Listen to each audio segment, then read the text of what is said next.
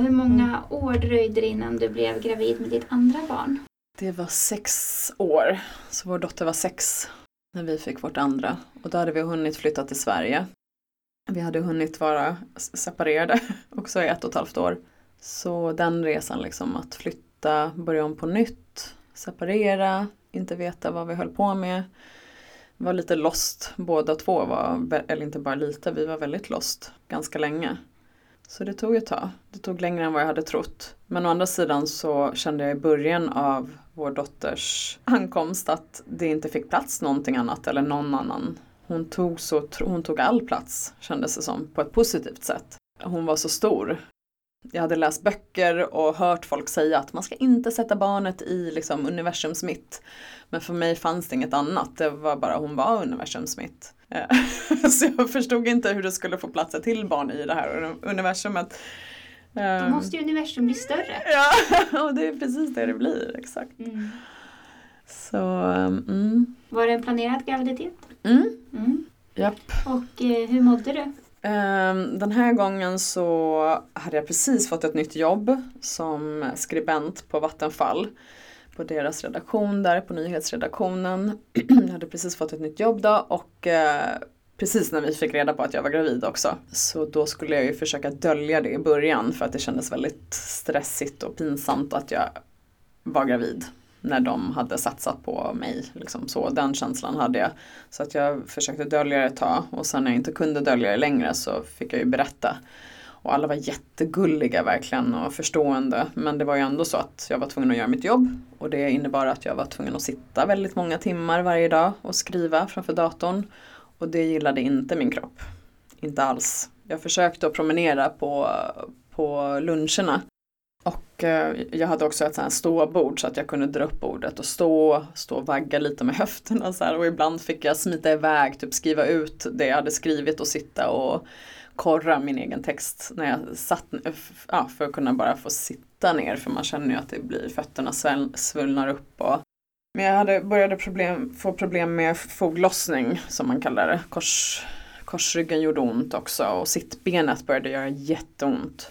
Så när det var en månad kvar och då var jag tvungen att sjukskriva mig för det mm. funkade inte längre. Jag kunde inte sitta. Min kropp bara skrek liksom. Du måste röra dig, du måste sitta eller ligga och stå på andra sätt. Fick du någon hjälp Så jag med, tror att, äh, med de smärtorna? Mm.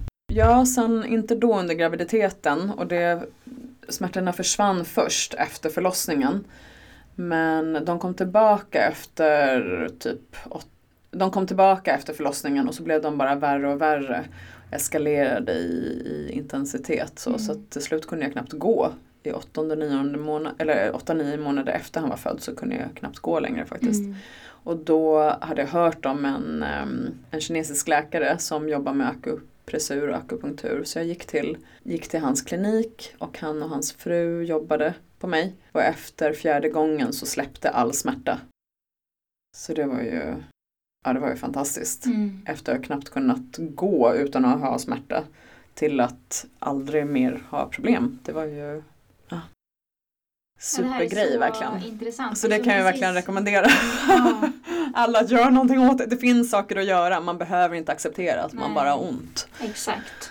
Så. Det är så intressant. Vi pratade om det lite mm. innan inspelningen. Men vi som precis har börjat jobba med akupressur som behandlingsmetod. Mm. Det är verkligen så häftigt. Mm. Och det sa de också på kursen vi gick att så här, de som har haft problem med ischias till exempel, de kan mm. få, det kan hända att det räcker med en behandling och sen wow. är man helt bra. Ja. Liksom. Och wow. ischias är liksom ett problem som, alltså det är ändå relativt vanligt. Mm.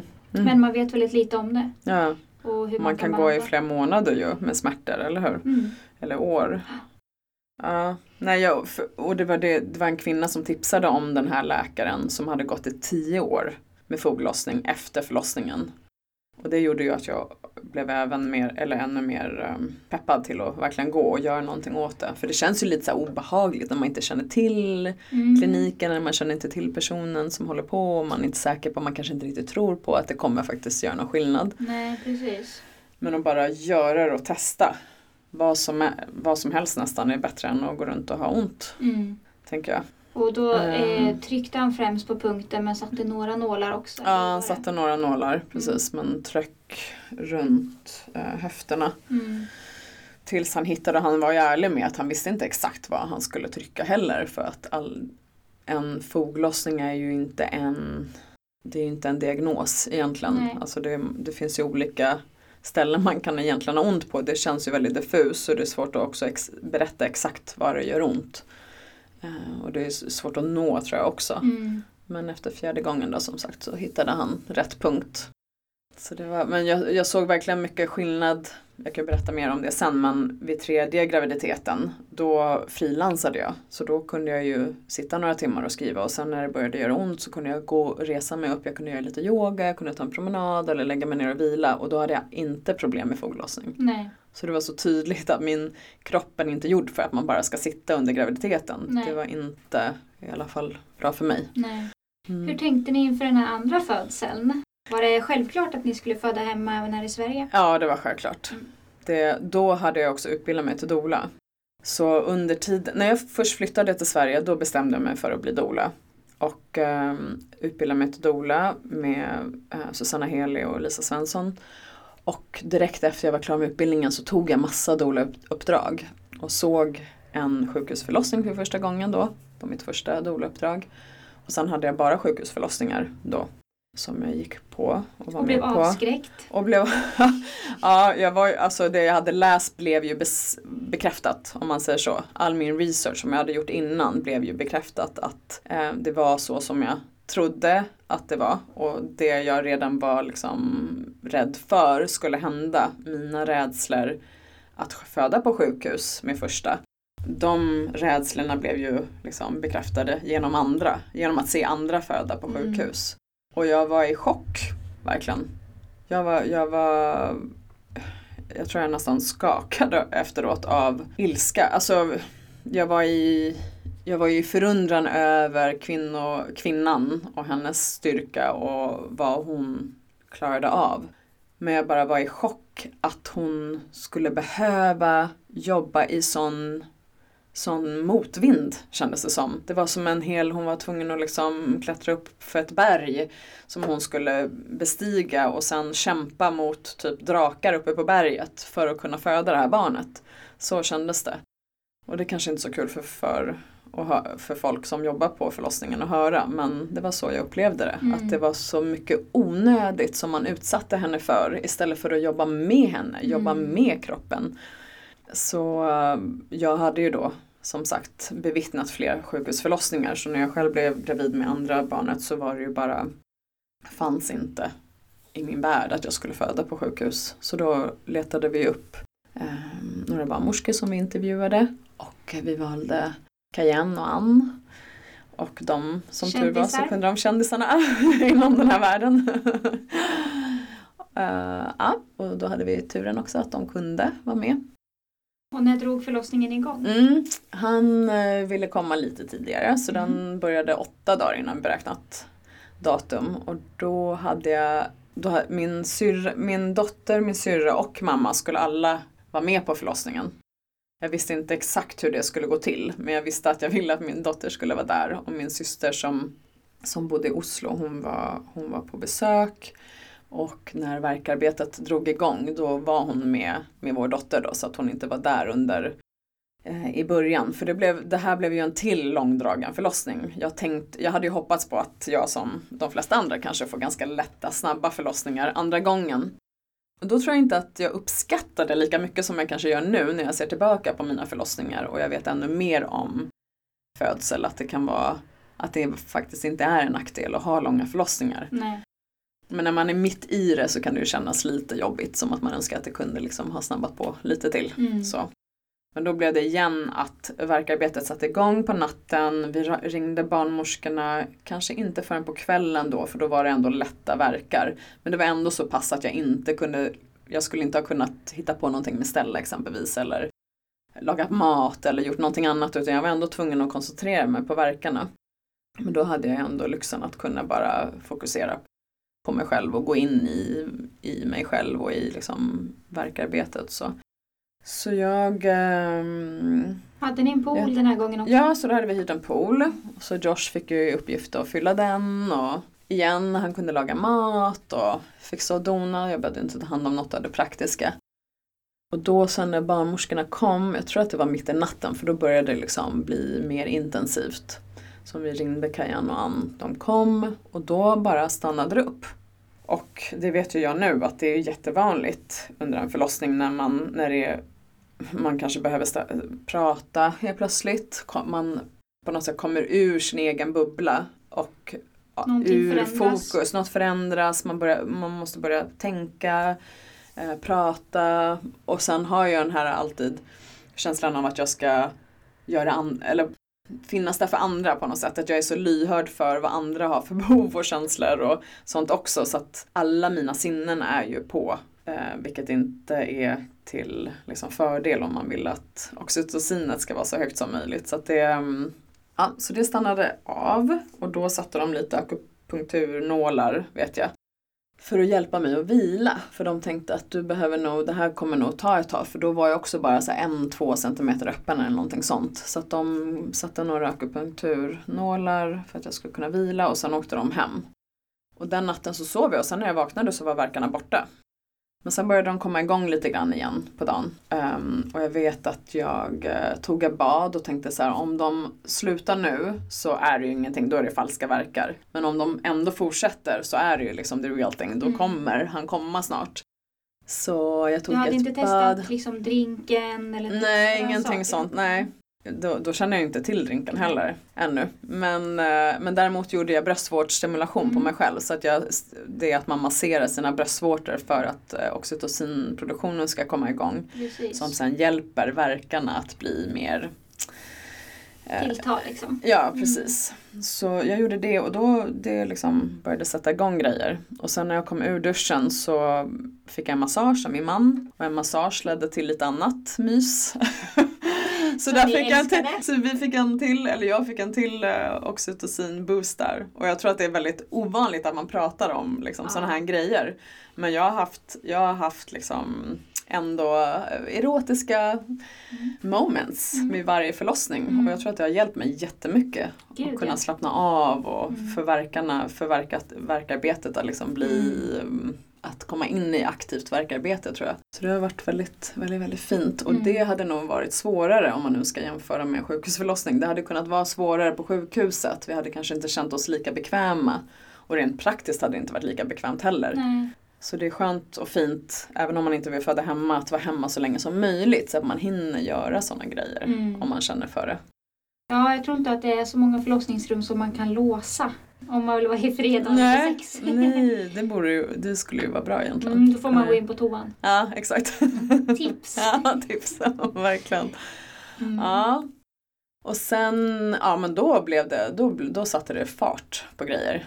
Vad heter det? Bröstvårdsstimulationen och att vi, vi hade lite trevligheter. Det, ja, det var bra. Det här var liksom så då, andra dagen. det här var andra dagen och det var på eftermiddagen vet jag. Så Kajan kom någon gång på kvällen. Och jag kände inte för att äta. Min man hade gjort någon god lax som jag inte alls ville smaka av.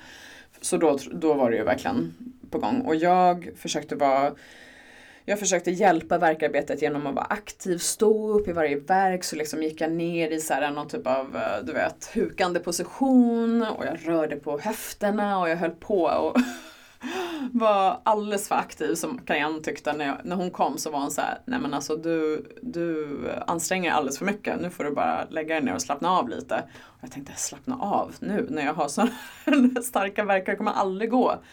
Men då, hon är ju känd, Kajan är ju känd för dyktekniken Mm. och hon, där dök hon mig, där och då liksom. Hon la mig på sidan och hon strök mig över håret och strök mig över kroppen. Som gjorde att jag bara så här, och, och guidade mig i hur jag kunde använda lugn, andning och bara så här som jag själv har gjort som dola men som jag inte riktigt kunde göra på mig själv då Nej. tydligen. Nej, det är väl Eh. väldigt svårt. Ja. Så hon hjälpte mig att bara bli tung i kroppen och få en lugn och avslappnad andning och vad som kändes som fem minuter var typ en timme som jag hade faktiskt somnat där. Och sen när jag vaknade så var jag, då var verkarna verkligen eh, starka. Och jag hade ju, han låg vänstervänt tror jag så att jag hade jätte, jättemycket eh, ryggsmärta.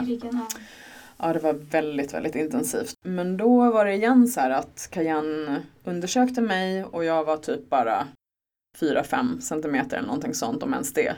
Så hon tänkte ju, och jag hörde att hon sa också att det här kommer nog ta en till natt. Och jag tänkte nej, de här verkarna, det, jag kände igen det. Jag kände mm. igen känslan tror jag i verkarna. Och eh, även om hon kanske tyckte att det var för tidigt så satte jag mig i poolen.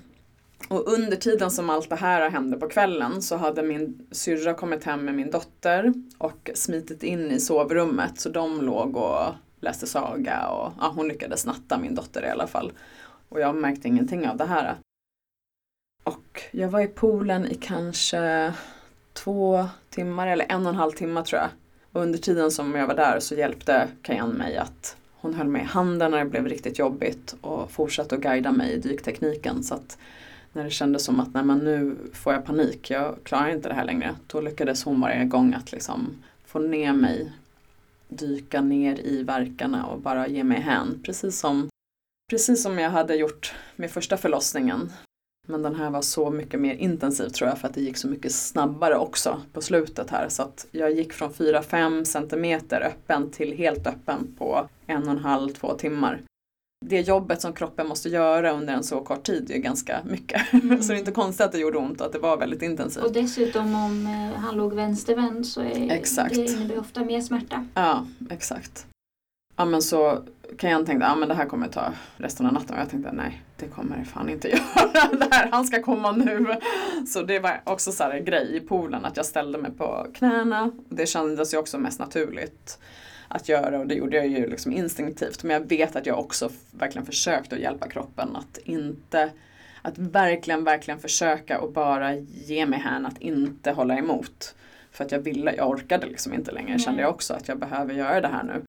Um, och sen när det var typ 40 minuter innan, vi har ju gått igenom alla tider och sånt efteråt, det är därför jag vet så ganska exakt. Men då kände jag att han kommer komma snart och ni måste ringa min mamma. Uh, för att jag ville ju att hon skulle vara med och hon var inte där ännu. Så då ringde de henne fastän de trodde att det här kan ju ta hela natten. Men ja, hon kan ju lägga sig och sova typ då i, i rummet. Hon hann komma, hon hann lägga sig ner och typ sätta på sig pyjamas. Men precis då så ropar jag han kommer. Så alla tre kommer ut från sovrummet, sätter sig på soffan som var framför poolen. Som en liten publik. Men det kändes aldrig störande Nej. faktiskt för då var jag så pass inne i mitt ja. arbete och i min egen bubbla liksom, och fokuserad så att det gjorde verkligen ingenting. Men då var det ju en sån här grej igen att då började ju, då kände jag ju att det bara så här sa plopp och så gick vattnet och han, han bara du vet så här åkte ner, damp ner precis. Och sen känner jag, då är det också en sån här klarhet helt plötsligt. Att då är man verkligen så närvarande. Och så känner jag, och det, jag skrattar för att det kittlar så mycket när hans huvud försöker hitta rätt inställning, eller hela hans kropp och livmodern då tillsammans försöker hitta rätt inställning för bebisen. Och det här har jag tänkt många gånger på att hade jag legat ner här så hade det blivit väldigt svårt tror jag för honom att hitta rätt inställning. Men för att jag stod på knäna, och höfterna eller um, hade så mycket utrymme som möjligt i um, the pelvis, uh, i, um, i, det om, bäckenet. i bäckenet. Ja. Tack, precis. Um, så, så kunde han ju verkligen rotera fram och tillbaka för att hitta bästa inställningen. Det var så himla häftigt att känna det här och jag skrattade högt och mm. de bara, vad händer? vad är det som händer? Jag satt och skrattade. Åh, oh, det kittlades. Uh, och sen efter att det hade liksom hittat rätt då så bara komma ner som en kanonkula typ. Och, ehm, och då, hade, just det, då var Josh i poolen, då hade han ju precis innan hoppat in i poolen. Och så kommer han ut och jag fångar honom själv. Och eh, han skriker det första han gör när jag tar upp honom. Och, men så fort jag lägger honom vid bröstet så, så blir han tyst och bara ligger så här jättenärvarande. Och vår dotter hon tar av sig kläderna bara helt spontant. Tar av sig kläderna, hoppar in i poolen och sätter sig och håller hans små fötter i sina händer. Oh, jag börjar typ gråta. Ja, det var helt, helt fantastiskt att ha henne där och få vara den första som håller i honom. Eller hans små fötter, det var jättefint. Mm. Wow. Satt vi där ett tag. Eh, och min syrra tog bilder. Det visste jag inte heller att hon gjorde då. Men det, det var väldigt fint att kunna sen efteråt ha det här dokumenterat. Och sen var det Stella som fick klipp, äh, klippa äh, mode, äh, navelsträngen. Mm. När vi väl hade kommit upp. Ja. Och Ann var ju där, det hade jag ju mm. glömt också, men hon kom ju också intassande där på slutet. Mm. Hon hann också precis komma in, mm. men hon var, de är ju så väldigt bra på att vara diskreta så att jag kände inte av det heller direkt. Så. Vad sa du? Förlåt. Hur pratade mm. din dotter om det här efteråt? Att få vara alltså, med Hon var nog väldigt stolt. Uh, och jag såg att det var en, hennes blick var liksom en blandning av förtjusning och skräck. Mm. det var nog, det var ju ja, en ovanlig och unik grej att vara med på. Men uh, jättestolt och de är ju, ja, de är ju supernära. Så det var nog häftigt för henne att få vara delaktig, ja. tror jag. Och jag tänker att även om det är lite läskigt, för det är någonting som inte händer varje dag, om man ser sin mamma, jag skrek ju till fast hon mm. såg att det inte var något farligt, att det ändå är en, en gåva som man får att, att kunna liksom, bevittna en sån grej, speciellt mm. när man är flicka. För att det ska ju kanske hända henne en dag, att ja. hon föder barn och att hon får se att det var inget farligt. Exakt. För det tänker jag att det, det, är nästan någonting som jag inte ens reflektera över eller tänker på att jag skulle fråga för det känns, för mig känns det så, det känns inte konstigt att ett, barn, ett äldre barn skulle vara med när ett syskon föds. Liksom. Eh, men jag tänker att många andra som lyssnar kanske har funderingar kring mm -hmm. om det är en bra idé ja. liksom, att ha med sitt äldre syskon ja. eller inte. Tror du att det finns någon ålder som inte är så bra kanske att vara med? Eller? Nej, jag tror inte. Jag tror att det viktigaste är att känna hur man själv, eller bara känna in situationen. Därför att sen när vi var, blev gravida med vår tredje, då förberedde jag vår yngsta som då bara var två. Han var precis fyllda tre när hans lillebror kom. Men um, så han var ju runt två år när jag var gravid. Vi tittade på förlossnings, hemförlossningsvideosar och han var jätteintresserad verkligen och tyckte det var jättekul och han själv frågade om vi kunde titta på en till video liksom, när bebisen mm. föds. Och, så det kändes som att han var väldigt redo ändå. Mm. Han hade tagit det bra. Men då när, när um, för vår ö, tredje kom lite senare än de andra så att när jag hade förväntat mig att han skulle komma så kom han inte och ingenting hände. Det var sommar och vi hade varit hemma med barnen länge och eh, då var det en, så här, en sån situation att jag hade tänkt att de skulle vara hemma och, och vara med. Men min kropp kunde inte riktigt släppa eh, kontrollen någonstans tror jag. Jag kunde inte ge mig hän för verkarbetet. Um, så det var faktiskt Cayenne som i ett samtal, telefonsamtal sa men kanske ska de åka till landet, till din mammas landställe och hon kan ta hand om dem ett tag. Och det var verkligen så tydligt för att när jag började packa väskan då kom verkarna igång. Ja. Och sen fortsatte och så mm. föddes han en dag senare. Så det var väldigt um, mm, tydligt att då behövde jag någonting annat. Jag tror mm. att Julius var för liten och han ammade också fortfarande så att jag tror att det var, liksom, det var för svårt för mig att att kunna ge det fokus som jag behövde mm. för födandet mm. och för nya bebisen så länge de var hemma. Och liksom, då har man ändå fokus på att någon annan ska må bra. Mm. Och eh, liksom, ja, man kan ju ha lite oro även om den inte är uttalad oro. Nej. Men liksom lite sådär. Precis. Och eh, den mm. tredje födseln, mm. den, var ju, den är lite mer färskt i minnet kan jag tro. Ja, ja mm. precis. Han, fyller ju, han är ju bara fyra. Um, Hur började den? Ja, så det var på något sätt att man har ju mycket förverkar och, och det blir, kändes som det var mer tredje gången. Och eh, som sagt, jag hade ju frilansat under den tiden så att jag mådde jättebra fysiskt. Jag hade gått på så här, eh, Dancing for birth-klass med Malin mm. Fritzell. Och det var ju superfint och härligt och roligt för allt, för alla sinnen och för mm. kroppen att få gå på den här klassen med andra verkligen. gravida. Ja, kan ju ja. verkligen rekommendera att gå ja. på det om du är gravid eller känner någon som är gravid. Ja. Vi har ju sådana klasser här i studion ja, med en annan lärare men en Dancing for Birth-instruktör. Ja. ja, det var superbra. Dels för att man håller igång liksom blodcirkulation och man gör rörelser som är fördelaktiga sen när man under förlossningen.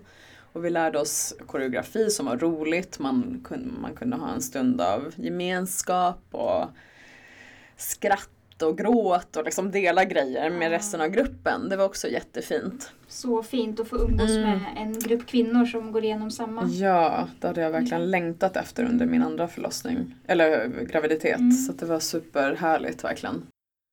Ja, nej men så jag mådde bra och eh, men vi hade ju då varit lediga hela sommaren med barnen.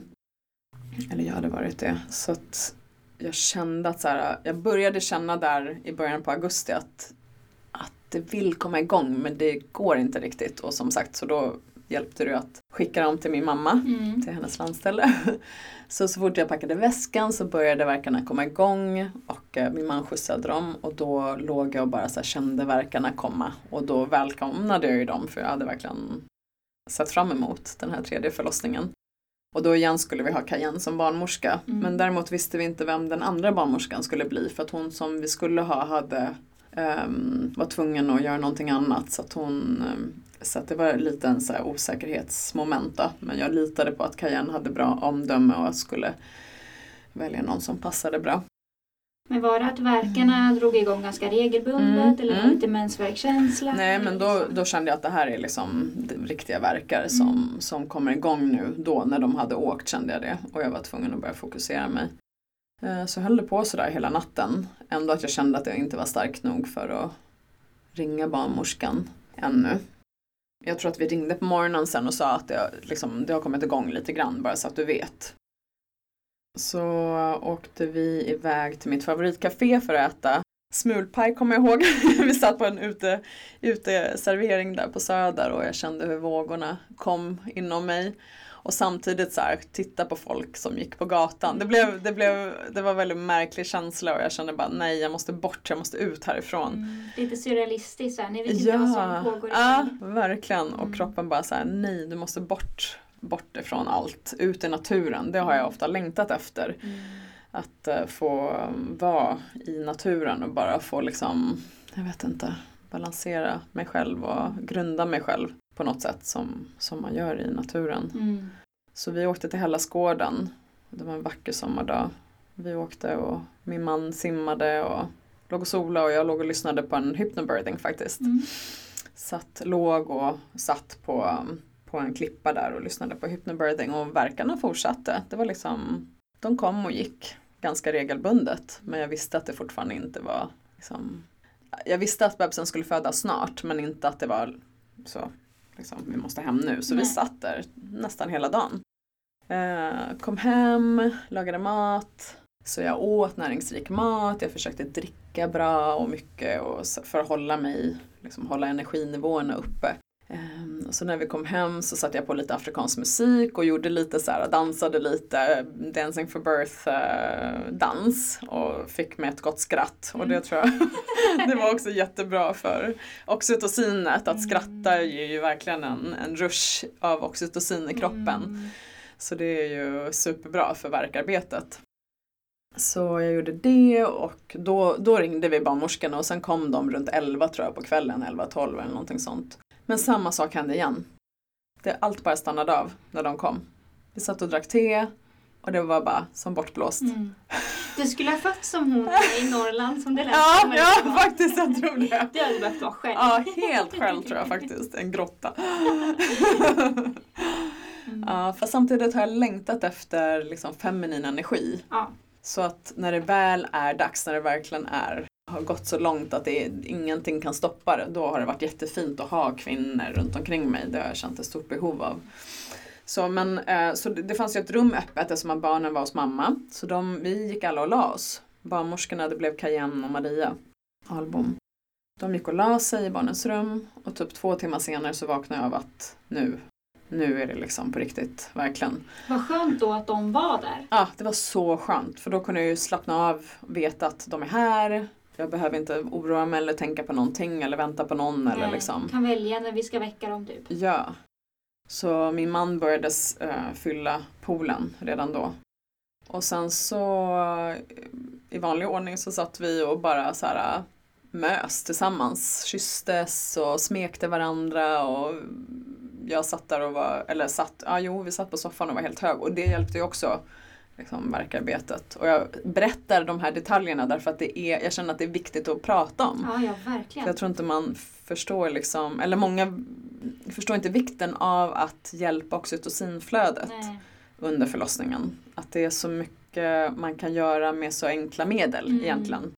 Och att man kanske tror att det här med att liksom vara, ha erotiska möten kan vara väldigt konstigt och märkligt men man kan tänka att det som fick bebisen in är också det som får bebisen ut mm. på, på, på liksom det mjukaste sättet eller vad man ska mm. säga.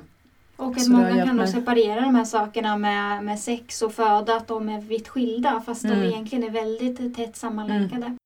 Det funkar ju på samma sätt mm. med adrenalinet. Om man blir mm. störd så, så vad heter det, slutar ju förlossningen om man skulle inte kunna få en orgasm exempelvis Nej. om någon klampar in i ett rum där man har sex liksom, och blir där det är kallt eller man blir iakttagen mm. eller det är um, lysrör. lysrör. exakt och blir observerad på olika sätt eller någon som berättar vad man ska göra och inte göra. Mm. Då är det svårt för förlossningen att fortlöpa och det är svårt att, att få en orgasm i, det, i, dem, i en sån situation. Mm. Um, så Ja, så instinktivt så visste jag vad jag behövde, vad kroppen behövde. Jag tror att jag har kunnat följa det för att jag varit hemma. Annars ja. hade jag inte alls kunnat känna in och veta och kunna följa mina instinkter. Men när inget har stört oss så mm. har vi ju mm. kunnat göra bara det som har känts rätt och bra. Ja, jag tänker så här som när man är hemma alltså inte när man föder barn men när man är hemma då mm. liksom, ja men jag känner för en kopp te då gör jag det. Ja. Eh, nu skulle jag behöva vila, har man mm. tid så gör man det. Ja. Jag tänker om man är på förlossningen eh,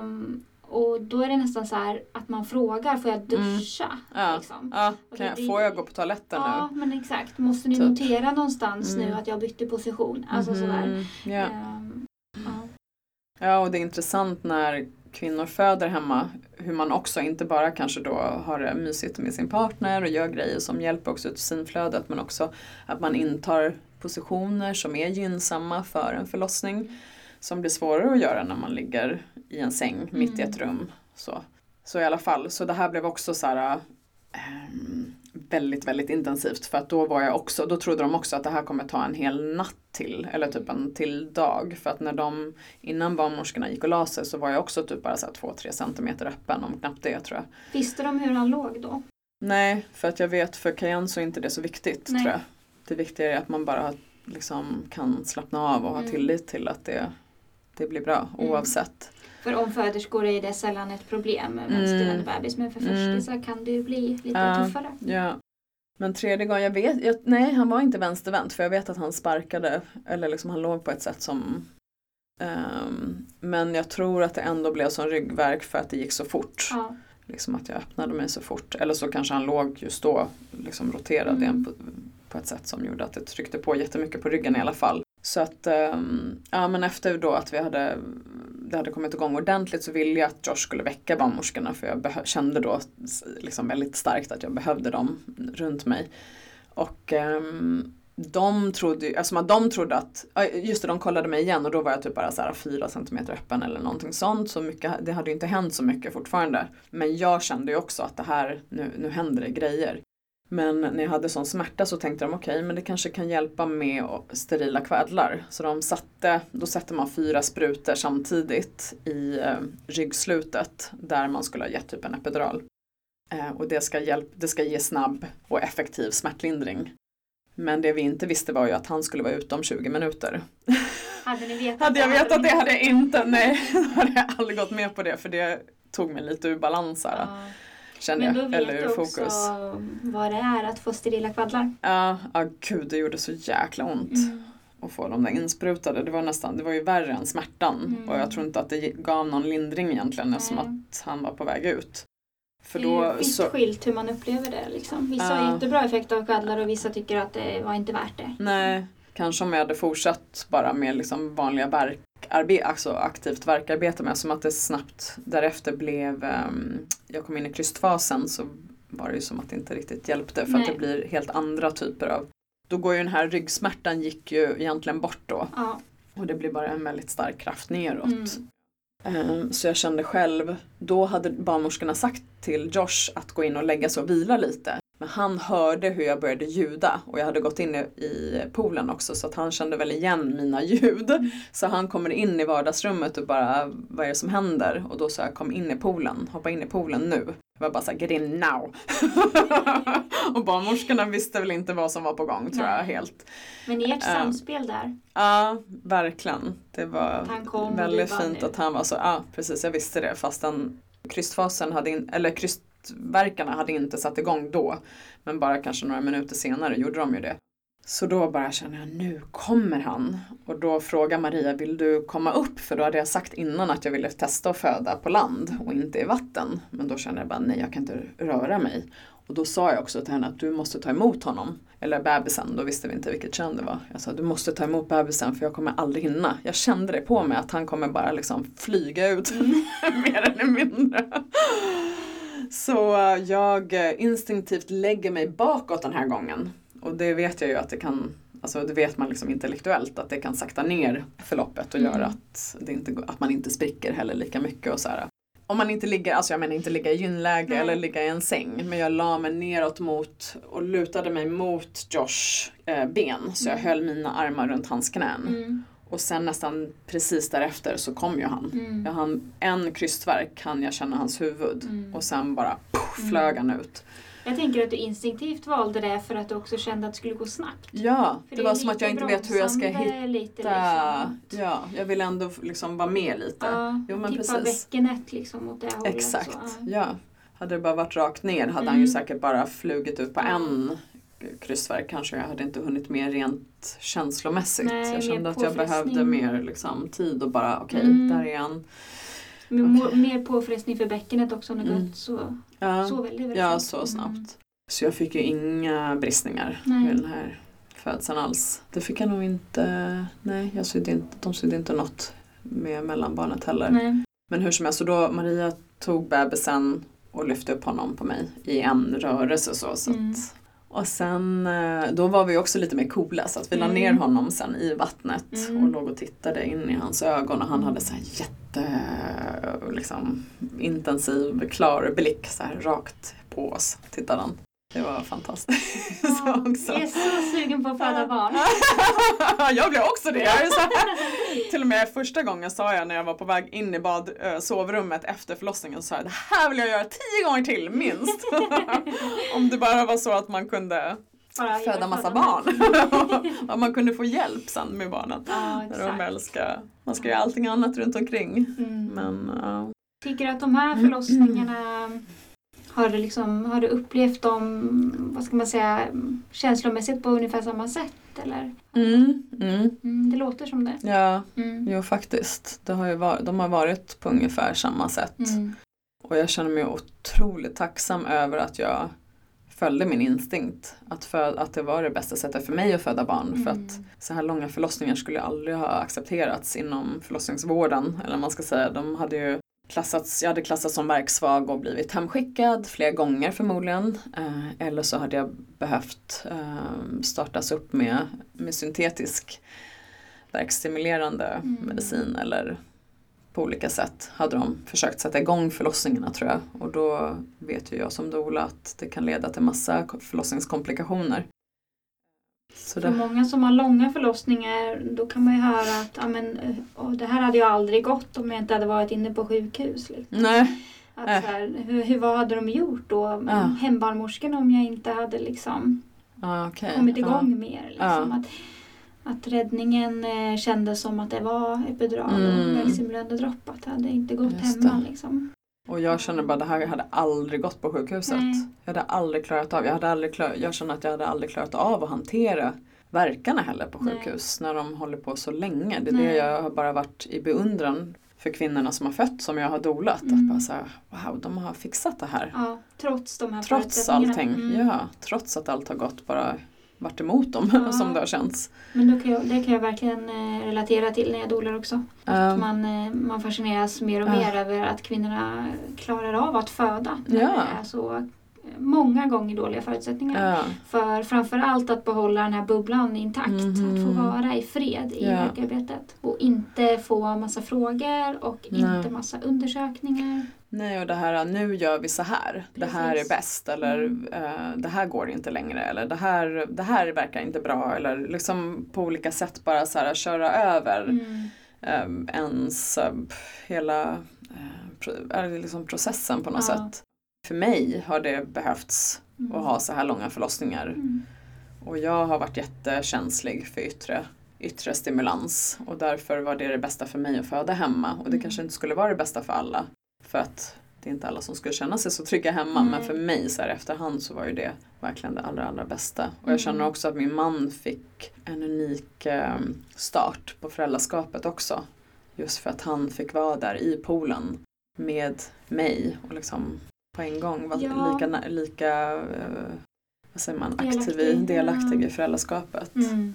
Ja, för det är det jag tänker med som partner är det ganska lätt att man inte kanske finner sin naturliga roll när man kommer in till ett sjukhus. Och man har ju, som vi har pratat om tidigare i podden, också ofta stark Mm. tillit till vårdpersonalen som kan vara Mhm. jättefint och bra Ja. ibland. Liksom. Men att partnern kan ofta, jag upplever att partnern har svårt att hitta sin roll i Mm. förlossningsrummet. Ja, Och att man... de kan bli mer eh, passiva än de hade varit Ja. om de hade bara fått följa det de som kändes rätt för dem kanske. Ja men exakt och bara att vara i sin hemmiljö gör ju att man har liksom mer fria händer och Mm. att man utstrålar kanske ett annat lugn och inger Mm. trygghet för att Mm. man är i sitt hem. Mm. Det Ja, är ju verkligen. bättre förutsättningar till partnern att vara ett bra stöd också Ja. om, om partnern får känna sig trygg och hemma. Ja, och just för att vi hade så bra upplevelser så har jag aldrig behövt känna mig arg på honom Nej. eller bitter. Vilket kan förstöra ganska mycket, har, Absolut. har jag sett och erfarit som doula. Mm.